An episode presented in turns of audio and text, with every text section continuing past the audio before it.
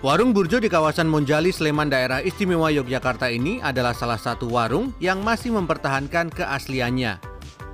Selain masih menjual bubur kacang hijau sebagai menu utama, penataan warungnya juga masih sama seperti saat berdiri hampir dua dekade lalu.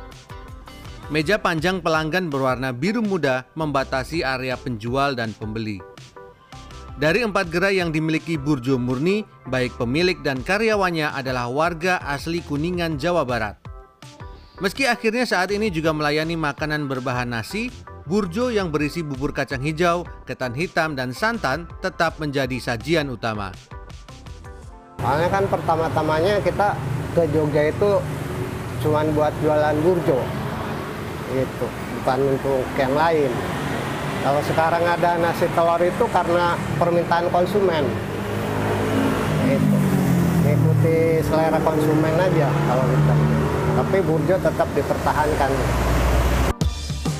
Vincent yang menjadi langganan tetap warung ini mengaku saat ini ia mulai kesulitan mencari warung burjo yang masih berjualan bubur kacang hijau. Kalau saya sih ngerasa ada yang hilang. Kalau burjonan nggak ada burjonya itu. Karena kalau saya sih uh, sering juga ya pesan burjo. Terus kalau misalnya lagi pengen burjo nih, terus datang ke tempat burjonan tapi nggak ada burjo, nah itu kadang sering kecewanya. Kak, saya pesan dua ya. Satu es burjo susu campur campur, satu mie rebus telur. Minumnya air putih. ya. Menu yang saya pesan ini adalah menu andalan warung Burjo di era 90-an. Sementara itu, Burjo Andeska yang berdiri hampir dua dekade lalu kini memilih mengembangkan bisnisnya dengan menyediakan jenis makanan lain. Meski demikian, bubur kacang hijau tetap disediakan di sejumlah gerainya. Pemilik Andeska yang berdarah Kalimantan menilai Burjo adalah produk asli Kuningan yang harus dipertahankan ciri khasnya. Hampir semua pekerja di Burjo Andeska berasal dari desa Kapandayan, Kecamatan Ciawi Gebang, Kuningan, Jawa Barat. Andeska sendiri adalah singkatan dari Anak Desa Kapandayan. jadi biarpun mereka tidak menyiapkan bubur kacang hijau ya itu memang burjo. Karena dari awal eh, burjo itu ya memang eh, nama bukan menu gitu kan. Jadi seperti kita contohnya dari kos yang mau ke warung burjo. Kita mesti ngomong ayo kita ke burjo. Tapi sampai kita di warung burjo kita belum tentu kok makan burjo malam. Di warung Burjo yang kekinian ini disediakan berbagai menu nasi hingga roti. Terus biasa aja. Ya, terus roti bakar keju, sama satu lagi. Oke, siap. Minumnya teh minum. Oke, siap. Ditunggu ya Mas, terima kasih. Di masa lalu warung Burjo hanya menjual bubur kacang hijau dan mie instan saja. Namun setelah melintas zaman, warung Burjo juga menjual berbagai jenis menu lainnya. Salah satu menu yang menjadi favorit di Burjo ini adalah magelangan yang merupakan campuran antara nasi dan mie instan yang digoreng.